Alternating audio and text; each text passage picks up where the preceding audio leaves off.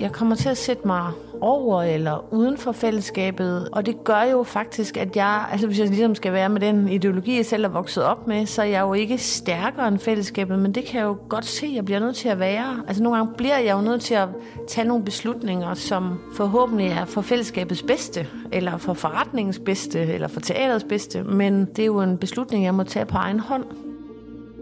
Du lytter til Lederskabet, en mellemlederpodcast fra lederstof.dk. Mit navn er Palle Steffensen. Jeg er journalist og ledelsescoach og vært her på podcasten. I hvert afsnit får jeg besøg af en leder, der vil fortælle om de udfordringer, der følger med, når man skal lede både op og ned, og derfor tit bliver fanget i et krydspres. Til sidst i podcasten vil Michael Urenholdt, der er ledelsesrådgiver hos lederne, give hver enkelt gæst nogle konkrete råd, der kan være med til at gøre den pågældende leders arbejdsliv lidt nemmere. I dag skal du møde teaterdirektør Mette Wolf, der fortæller om den ensomhed, der kan indfinde sig, når man sidder på toppen og egentlig er rundet af det sociale og fællesskabet. Mette Wolf, direktør på Nørrebro Teater. Hvad er din største udfordring som leder? Min største udfordring som leder er, at jeg laver teater, fordi jeg godt kan levere en del af et hold. Og efter at være blevet direktør, må jeg bare sige, at det er jeg ikke altid. Nej, for hvad er du så? Jamen, så er jeg jo den, der ligesom sætter holdet, og jeg er den, der bestemmer, og jeg er den, der kommer og holder en, en okay tale, håber jeg. Øh, men jeg er jo ikke den, der er med til at skabe det, der er på scenen. Jeg får ideen, og så giver jeg ligesom den... Nogle gange får jeg ideen, og så giver jeg det ligesom videre til nogen, der så skal fremkalde den og gøre det til deres egen idé. Så der er tab også i det? Ja, der er i hvert fald et tab af en følelse af at være en del af et fællesskab, altså sådan være i, i øh, være symmetrisk, altså være, i et, være ligestillet i et fællesskab, hvor man kan sige, det er jeg jo selvfølgelig ikke. Altså det kan jo godt nogle gange narre mig selv til at tro, jeg er. Øh, men jeg ved jo også godt i sidste ende, så er det jo mig, der skal tage beslutningen, og det er mig, der fyrer og ansætter folk. Så, det, så der er vel også en ensomhed i det? Ja, der er en stor grad af ensomhed i det. Det skal vi øh, snakke videre om. Inden da vil jeg egentlig godt høre, hvad er så det gode ved at være kalif på øh, Nørrebro Teater? Jamen, det gode er jo, at jeg faktisk kun beskæftiger mig med teater, jeg virkelig kan lide, fordi jeg selv har været med til at bestemme, hvad det er, vi skal lave. Så jeg, jeg er ikke længere ligesom slavebundet til at lave teater, jeg ikke bryder mig om. Alt det, vi laver, er noget, jeg kunstnerisk også kan stå på mål for. Øh, og så bestemmer jeg nok i højere grad over min egen tid nu, end jeg har gjort, da jeg var dramatur. Altså, at du har selvom du jo er bundet af noget økonomi, du er bundet af nogle tal, der også skal gå op, så har du frihed alligevel i jobbet. Ja, jeg har frihed i jobbet, og jeg har, jeg har, øhm, altså det har taget mig noget tid at vende mig til det, men altså til at forstå, at det var sådan, det var. Men jeg kan jo rent faktisk tage mig en dag, hvor jeg øh, aflyser alle møder og sidder og tænker mig om og kigger ind i en skærm. Altså jeg har jo muligheden for selv at bestemme, så på den måde er jeg ikke helt, jeg, jeg føler mig ikke så bundet af øh, et stort maskineri. Jeg kan selv drive den maskine. Nu sagde du, du, kan, du er den, der bestemmer, hvad for nogle forestillinger I skal køre, men der ligger vel også et pres i, at du jo også skal tjene nogle penge. Altså, der skal være noget kunst, og så skal der være noget, noget indtjening. Og samtidig går det lige op, og samtidig går det vel ikke op. Nej, altså det gør det ikke. Altså, nogle gange så går det bare slet ikke op. Øh, altså, men jeg tror faktisk alligevel, at er der noget, der holder mig vågen om natten, så er det, når vi laver dårlige forestillinger, og øh, jeg ligger også søvnløs, hvis vi ikke sælger billetter, men jeg falder alligevel hurtigere i søvn, end hvis vi laver dårlig kunst. Altså, øh, så det er trods alt det, der er. Selvfølgelig betyder det rigtig meget, og vi har ved Gud også haft dårlige sæsoner, øh, og med en pandemi, der også lukkede alting ned øh, har der været udfordringer på den sådan økonomiske side, men, øh, men jeg vil sige, det der holder mig vågen, det er altså, hvis jeg oplever, at vi ikke lykkes med det, der egentlig er vores sådan kunstneriske vision.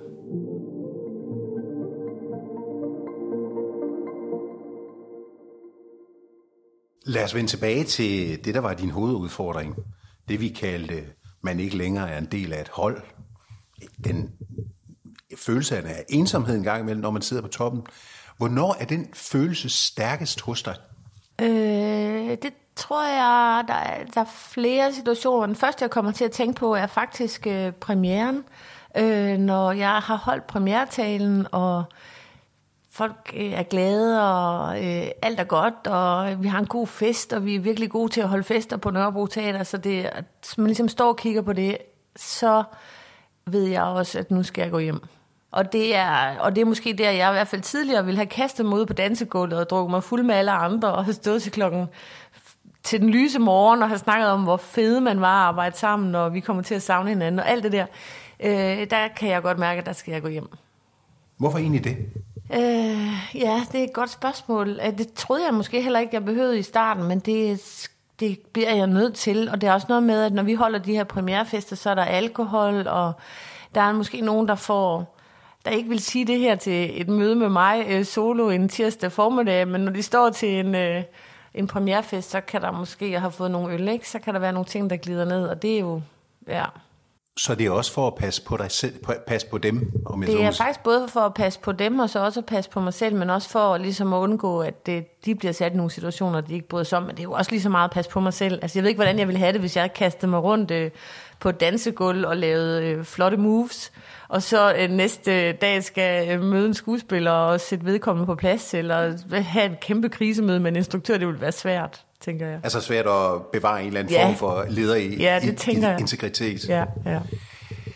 Du snakkede meget om det der med øh, at være, når man er vokset op med fællesskabet.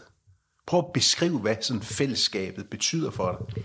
Jamen, jeg er jo barn af 70'erne, og, og der tror jeg, øh, Øh, noget af det, jeg er vokset op med, det er, og det tror jeg både er min baggrund, altså sådan min forældres øh, ideologi og måde at opdrage mig og min søster på, men jeg tror også, det var en del af tiden. Og det var, at vi var alle sammen lige meget værd. Øh, der er ikke nogen, hvis der er nogen, der ikke kan finde ud af noget, så skal vi hjælpe de folk, der ikke kan finde ud af noget. Altså, så vi ligesom løfter og bærer den svageste i fællesskabet. Men det gør jo også, og det synes jeg er simpelthen så smukt, og jeg elsker det. Men øh, det gør jo også, at den enkelte ikke får lov til at, at træde ud. Så hvis noget lykkes, så er det fællesskabets fortjeneste, og hvis noget mislykkes, så er det den enkeltes skyld. Øhm, og det synes jeg, og det, og det lyder måske lidt underligt, hvordan kan det hænge sammen, men det betyder faktisk, at fællesskabet er altid stærkere end den enkelte.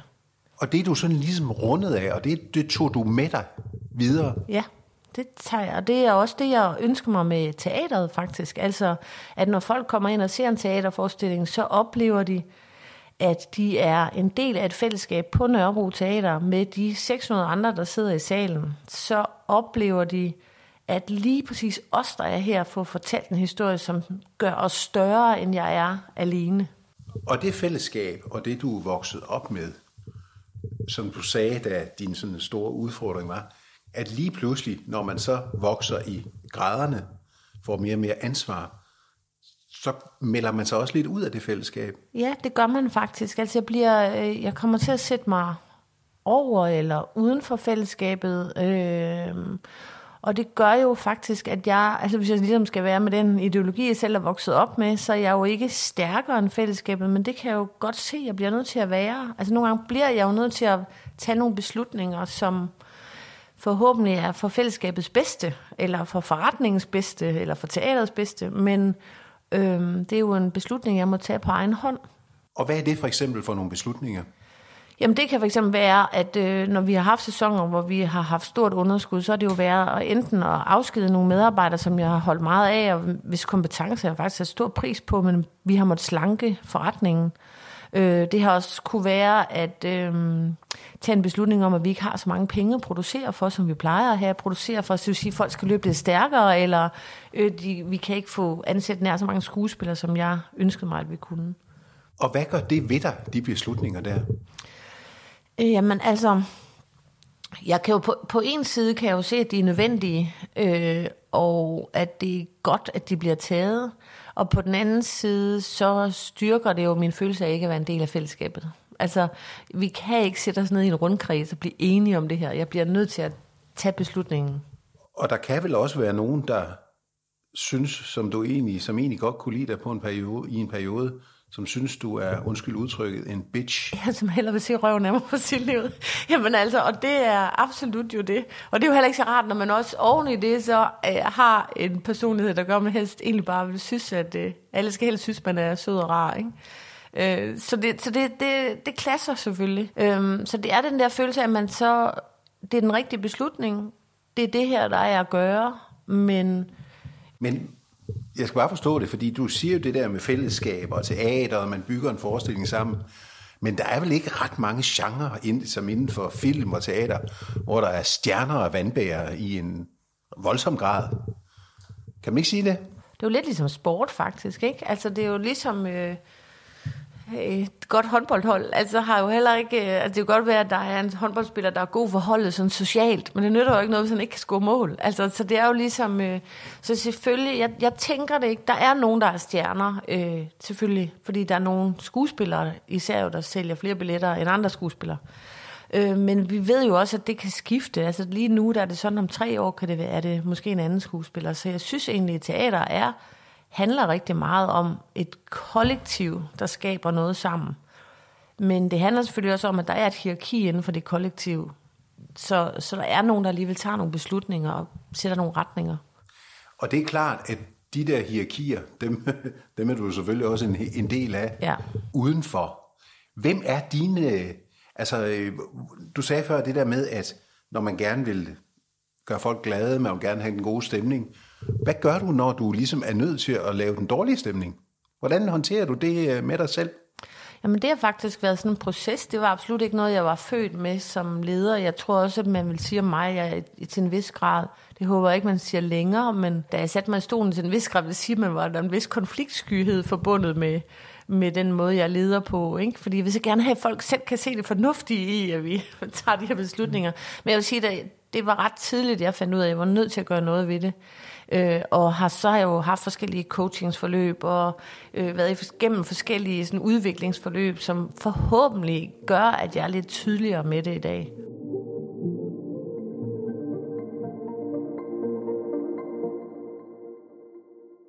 Det er jo noget, alle ledere, eller rigtig mange ledere slås med den der evne til at, at gøre det ubehagelige. Hvad var din bedste teknik? Øh, jeg fik sådan en fornemmelse. For det første så læste jeg en meget inspirerende bog, der hedder Frygtløs Ledelse, som jeg var meget inspireret af, og også øh, var kons- altså kontaktet de to erhvervspsykologer, der har skrevet der og gået et forløb, forløb på stemme. Øhm, men faktisk var der at blive meget klar på mine egne værdier. Øh, jeg ved jo godt, hvornår jeg føler, at noget er forkert, eller en, en grænse er trådt over, eller at noget skal gøres på en anden måde. Og så er det egentlig at øh, mærke det, eller ligesom tro på den følelse, og så handle på den. Så jeg behøver ikke altid at vente på, at der kommer en lang analyse ind i mig selv. Jeg kan egentlig godt stole på, at lige nu der mærker jeg noget forkert i det her, i kommunikation, i et rum, eller i en beslutning, vi er ved at tage. Og så, man ligesom, så er det okay at ståle det. Så er det faktisk okay nogle gange at sige, at nu enten tager vi en, altså en pause, eller at nu tager jeg en anden beslutning. Øhm, og så ja, tager vi det senere hen. Så du er blevet bedre til at hugge til hurtigere? Ja, det tror jeg. Ja, det, vil, det vil jeg nok mene. Jeg blev bedre til at stole på den intuitive følelse, der, der sådan kan opstå. Og hvad gør det så ved dig, når du har taget beslutningen? Det er en kæmpe lettelse, fordi det der jo er mit problem, det er, hvis jeg har den følelse og ikke handler på den, så kan jeg jo, så kan jeg jo ligge vågen over den i tre nætter, eller i tre måneder, eller i tre år. Ikke? Altså, så, så det er jo en lettelse i at ligesom stole på, det, det er faktisk, jeg har en, Altså min radar, den måler noget rigtigt, og det kan jeg godt stole på. Og så kan jeg også nogle gange tage fejl. Men så må jeg jo bare, det må man jo bare lægge på bordet, og så sige, okay, nogle gange var man for hurtig, eller nogle gange misforstod man en situation. Du gav mig sådan et billede her, mens vi stod og snakkede sammen inden interviewet, med sådan et håndboldhold. Altså apropos det der med at være et andet sted end på banen, ikke? Prøv at give mig det billede der. Ja, det er selvfølgelig fordi, der, bliver, der er håndbold-VM lige nu, så jeg er jo selvfølgelig man ser det hele tiden. Så, så tænker jeg sådan, at inden jeg skulle hen en dag, tænkte jeg, at jeg ligesom teater på mange måder er som en holdsport. Og at jeg er jo ikke engang Nikolaj Jørgensen, der sidder nede på... Jakobsen. På, jo, ja, Jakobsen. Nikolaj Jakobsen. Jeg er jo ikke engang ham, der sidder nede på bænken og, og sådan giver det sænger. Det er jo en instruktør, der sidder der, hvis man skulle oversætte det til teaterverden. Jeg er jo mere uh, Morten Stig Christensen, der kommer ind og holder en eller anden tale, og ingen rigtig kan ja, huske, hvad jeg har præcis for håndboldforbundet jeg håber, jeg er lidt tættere på banen, hvis man skal sige det sådan. Øh, og jeg ikke bare er en figur, der kommer en gang imellem. Så det, det anstrenger mig i hvert fald for at være. Men den følelse af at være langt væk fra den kreative proces, som sidder, ikke? Men stadigvæk være med til at sætte rammerne og sådan noget. Hvad gør du, når du godt kan se, der er noget skidt i gang, og skal man blande sig eller ej? Jamen, jeg tror faktisk, at man siger mig, at jeg blandede mig, eller jeg blander mig meget. Men jeg har lært, at jeg skal sige det fra starten af et samarbejde. Hvis jeg arbejder jo hele tiden med nye instruktører eller nye samarbejdskonstellationer. Og i starten, der, der tænkte jeg egentlig ikke over at få dem sådan sætte ord på, hvordan jeg arbejder. Men jeg bliver faktisk nødt til at sige, at jeg blander mig ret meget. Jeg går ind i salen, og jeg sidder og ser gennemspilninger og prøver. Øh, og jeg prøver øh, selvfølgelig at gøre det med kæmpe respekt for instruktørens område, øh, og, og ikke at blande mig, og ikke på den måde øh, gør, gør det til et angstfyldt rum, men jeg har en mening om det, vi laver. Men det giver vel, vel, det giver vel samtidig nogle clashes, gør det ikke det? Jo, det gør det absolut. Jo, og det gør det især, hvis jeg ikke har sagt det fra starten, fordi det kan jo opleves som mistillid fra min side, hvis jeg ikke øh, fra starten har sagt, på hør, jeg er sådan en. Det er fordi, jeg interesserer mig for det, og jeg er her for at hjælpe dig, jeg er her ikke for at skabe en sådan forkert modstand i det her rum. Ja, fordi selvom du er direktør for det hele, så kan det jo godt som instruktør føles at have siddet sådan en bure på ryggen, ikke? Jo, og det sådan skal det helst ikke føles, men det er klart, det kan det komme til. Øh, og det tror jeg bestemt også, der har været situationer, hvor det har været sådan, det er faktisk ret ked af, at det har været sådan, fordi jeg ser egentlig mig selv mere som en, der fremkalder øh, en kunstnerisk vision. Er med til at fremkalde en kunstnerisk vision. Og det giver så en gang imellem noget friktion. Ja. Nu siger du, at du er blevet bedre til at tage konflikter. Er det også så en nødvendig friktion, der ligesom er i det rum? Eller nødvendige konflikter, hvis man kan sige det sådan? Ja, altså det, det kan der jo være. Der, der kan, altså, jeg ved ikke, om det er nødvendige konflikter, men der er selvfølgelig, øh, som ved enhver anden opgave, så kan der være uoverensstemmelser, og man kan være uenig om, hvilken retning man skal gå. Øh, jeg tror bare, hvis jeg, bliver, hvis jeg som leder er angst for at tage den, Altså, mm. så planter det sig jo som en meget uheldig sådan, øh, ting i hele øh, organisationskulturen. Ikke? Så jeg bliver, jo, jeg bliver jo nødt til at være... Altså, jeg bliver jo nødt til at gøre det og sætte min egen røv i klaskehøjde for at sige lige ud. Men der er vel også nogle instruktører, der siger, jamen hvis du vil have det på den måde, så gå for fanden ned selv og instruere det her. Jo, jeg tror ikke, de, de siger det måske ikke, men de tænker det nok. men altså, jo, det, det, tror jeg, øh, det tror jeg, de gør. Men jeg håber også, jeg er blevet bedre til at sætte rammerne fra starten, fordi det har faktisk været et problem, hvis jeg ikke har sagt det fra starten. Sådan så jeg sørger for at have en alliance med instruktøren, for jeg mener virkelig også, at jeg har deres ryg med alting. Ikke? Så hvis jeg har sagt det fra starten, så kan det så opleves det forhåbentlig som en konstruktiv sparring.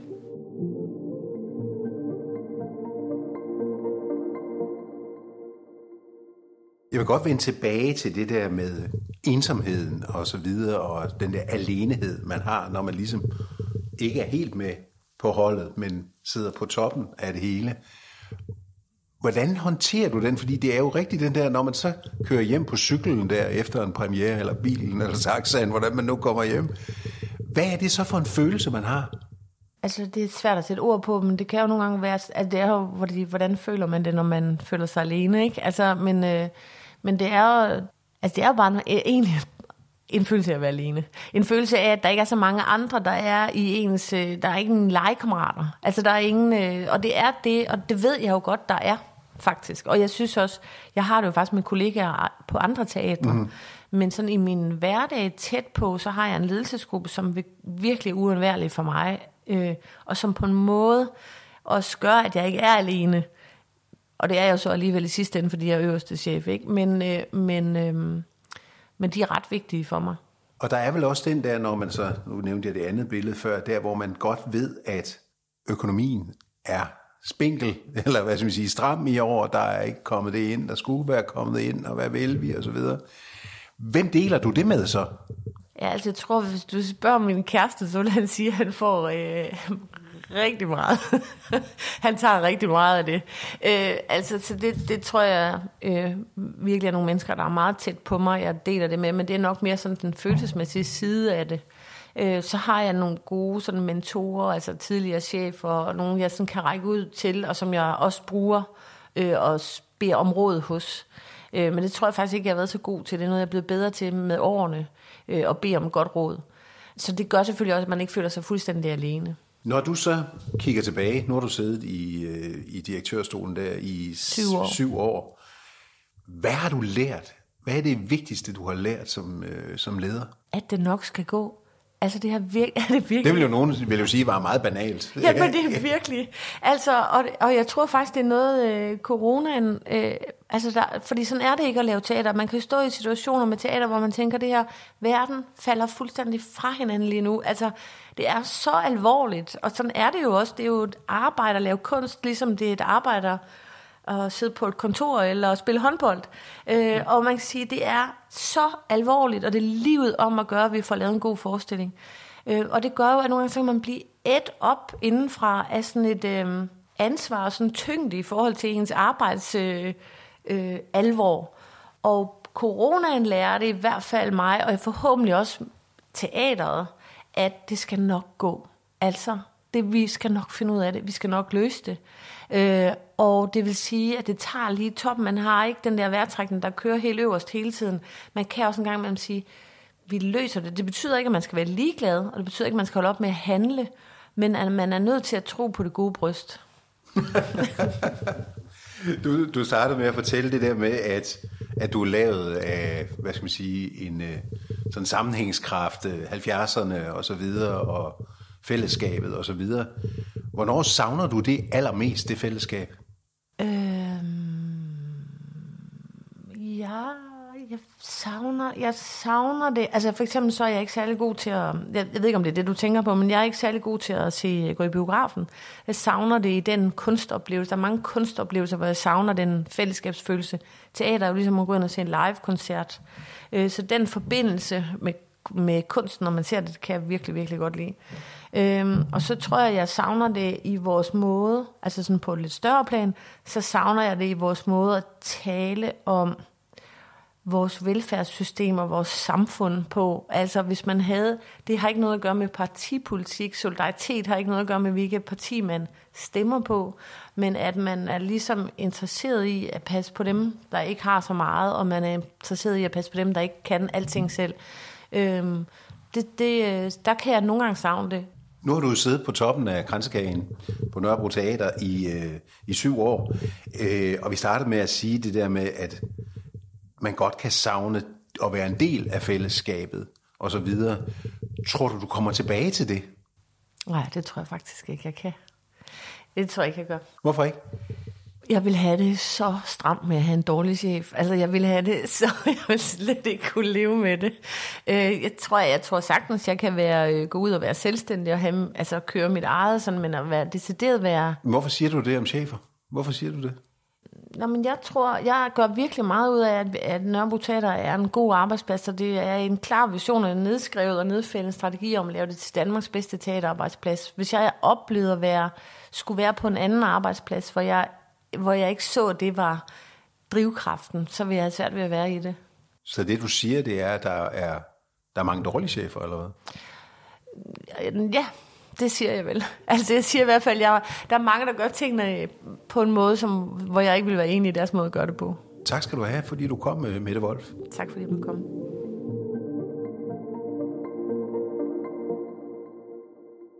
Michael Urenholdt, ledelsesrådgiver hos lederne. Nu har du siddet og hørt uh, Mette Wolfs historie, som vel dybest set handler om, at der indimellem kan være rigtig koldt på toppen.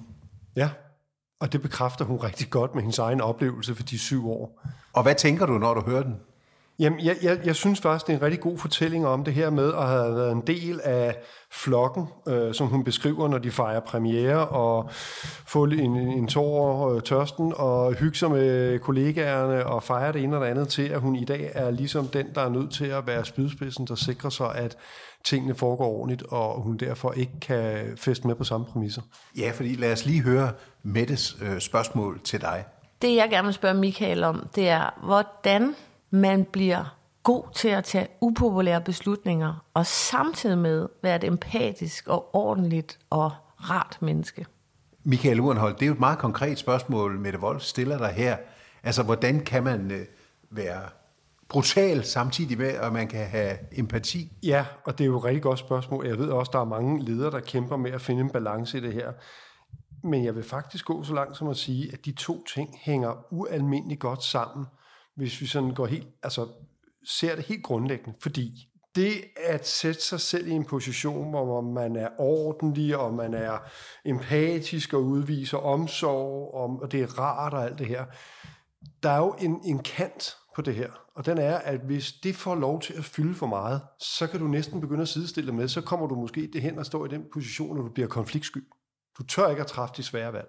Fordi det at være empatisk og rar og hyggelig og omgængelig, det fylder for dig som chef, i stedet for det at turde træffe de rigtige beslutninger. Så du kan sagtens komme ud af det der. Det handler om at være tydelig med, hvad står jeg for, på hvilket grundlag træffer jeg mine beslutninger, hvorfor gør jeg, som jeg gør. Og hvis du er tydelig over for dine medarbejdere, og så kan du samtidig godt udvise empati, hvis det er nødvendigt, og du kan også være et ordentligt menneske, men du vil også få respekten, så i bund og grund for mig handler det der spørgsmål om at finde den grænse for, hvornår nyder man respekten. Hvornår stopper empatien? Det er jo meget sjovt, fordi vi, vi, vi har talt om det før, det her med, hvornår, hvornår er du øh, privatpersonlig og øh, professionel. Ja. Og for mig, der, der er empati ikke nødvendigvis det samme som, at du tager følelserne ind for dine medarbejdere. Øh, empati, det er jo at kan sætte sig en anden sted og forstå, hvad det er, der sker hos dem. Så det, hun selv har været en del af medarbejdergruppen, og hun selv har stået i de der positioner, og stået og kæmpet med en teaterdirektør, som har været kropumulig, eller hvad det nu er, det, det har jo også givet hende nogle forudsætninger for at forstå hendes egen gørnerladen. Så jeg, i min optik, så er empati ikke nødvendigvis et, et super godt træk. Empati er, er en evne til at leve sig ind i andre menneskers øh, følelser og oplevelser. Og det kan man jo godt balancere. Det der er problemet, hvis du som leder ejer den følelse, altså tager ejerskab på følelsen, og går for, for langt i forhold til dine medarbejdere, så er det jo svært at trække sig tilbage. Det er også svært at stille krav til den person, hvis de samtidig måske ikke performer, som de skal. Det er vel også, Mettes historie er vel også øh, den der klassiske historie om, at jo længere du bevæger dig op, jo mindre passer du ind i hulen, hvor alle de andre, hvor du sad sammen med alle de andre engang. Mm, ja. Og det er jo også en, selvom man efterhånden som Mette har meget erfaring som leder, så kan det jo stadigvæk godt være et savn. Det er klart. Og det, og det tror jeg er faktisk, og jeg, jeg hører det også i vores rådgivning, daglige rådgivning, hos en del ledere, der er blevet lidt metaltrætte af at sidde som chef for både nogle ledere og nogle medarbejdere, og føler sig måske lidt isoleret. Øh, men, men, men der er jo mange råd for, hvordan kan du egentlig komme ud af den der boble, hvis du først sidder fast. Men, men der er mange ledere, der savner det, og det er jo netop fordi, hvor, hvorfor starter du i sin tid på det her arbejdsplads? Det kan godt være, at du tjener nogle penge og alt det her, ja. men vi ved jo også, det der driver os på arbejde, det er kollegaskabet, det er nogle gode kollegaer, have nogle mennesker omkring dig, som du har det godt med. Vi hører det fra mange af de her konsulenter, der går, går øh, ejerledervejen og skal være selvstændige de lige pludselig finder ud af, nej, det er ikke mig, jeg skal tilbage på en arbejdsplads, og når jeg spørger dem, så får vi den samme ordlyd hver gang nej, det er sgu lidt trist det her. Ikke? Og det er jo lidt det samme her, hun isolerer sig lidt sig selv, øh, når, når man sidder som topchefen. Ikke? Og det er man vel også nødt til? I allerhøjeste grad. Øh, men det betyder jo ikke, at du ikke stadigvæk kan være personlig, og du ikke kan omgås dine kollegaer, og du kan være et ordentligt menneske og have det godt sammen med dem. Det kan du godt. Og nu ved jeg godt, hun siger, når de så fester og får noget at drikke, så går hun hjem. Jeg er før blevet spurgt om det. Øh, hvert år, når der er julefrokost, så der kommer der en eller anden journalist, der hiver fat i mig og siger, Nå Michael, hvad, hvad er din anbefaling i år? Og den har ikke ændret sig. Jeg mener jo stadigvæk, som chef og som leder, kan man stadigvæk feste med de andre. Forskellen er bare, at man skal kende sine grænser, så man skal ikke drikke sig i hegnet. Så man kan så se godt blive der til klokken 5. Man skal bare holde nogenlunde. Selvfølgelig kan man det, og man kan hygge sig og have det sjovt, og du behøver jo ikke at drikke for at have det sjovt. Så jeg synes jo absolut, i, i, i Mettes tilfælde, når hun siger, hun går hjem, det kan godt være, at hun gør det for at beskytte sig selv, og det er fair nok. Men, men jeg er ikke engang sikker på, at effekten er den rigtige af det, at hun går, fordi det kunne også godt være, at der var nogen, der faktisk satte pris på, at hun var der og hyggede sig sammen med de her mennesker. Nu kender jeg ikke lige kulturen på teateret, så det må du have mig undskyld, men øh, ja. Altså, hvis man skulle slå en, eller hvis man skulle binde en sløjfe her, ja. så er det, at hun gør mange af de rigtige ting, men det, faktisk absolut. godt kan justere noget. Altså det, det som jeg hører, hører hende, så, øh, så kunne hun godt justere på nogle små ting, men, men jeg synes jo i bund og grund, lyder, hun er enormt bevidst om at gøre tingene på en ordentlig måde. Det går meget vægt på, kan jeg høre. Ikke? Øh, men, men det der med ensomheden, det fylder jo for hende. Det er jo ret tydeligt i jeres, i jeres dialog i hvert fald. Ikke? Ja. Øh, og, og det vil jeg sige, det er vigtigt, at hun i hvert fald er sig selv og sine egne værdier bevidst. Jeg hører, hun øh, refererer til, til, til et værdisæt. Hun er klar på egne værdier. Hun har været igennem et forløb med, med nogle coaches og sådan nogle ting, og hun, nu læner hun sig ind i dem, og det har gjort det lettere for hende at navigere. Og det vil jeg jo til enhver tid sige, og det siger vi til mange af de ledere, vi taler med. Altså hvis vi kan høre, at de har tvivl, få nu afklaret dit eget øh, ledelsesrum og de værdier, der er vigtige for dig, så har du noget at støtte dig til undervejs. Og det, det gør hun jo. Så man kan sige, at hun er jo meget autentisk. Men hun kunne godt blive lidt længere til festerne. Ja, hvis vi virkelig skal sætte en streg under noget her, så er det at sige, bliv nu hængende lidt længere. Det kunne jo være, det var rigtig sjovt til sidst, ikke? Tak skal du have, Michael. Vi håber, du er blevet inspireret af vores podcast. Og husk, vi har skrevet en artikel om Mette Wolfs udfordringer og Michael Urenholds konkrete råd på lederstof.dk, hvor du også kan finde en masse andre artikler og podcast, som klæder dig på med ny viden, konkrete værktøjer og perspektiver for andre ledere på alle niveauer. Lederstof.dk udgives af lederne, som er Danmarks største interessefællesskab for ledere med omkring 130.000 medlemmer.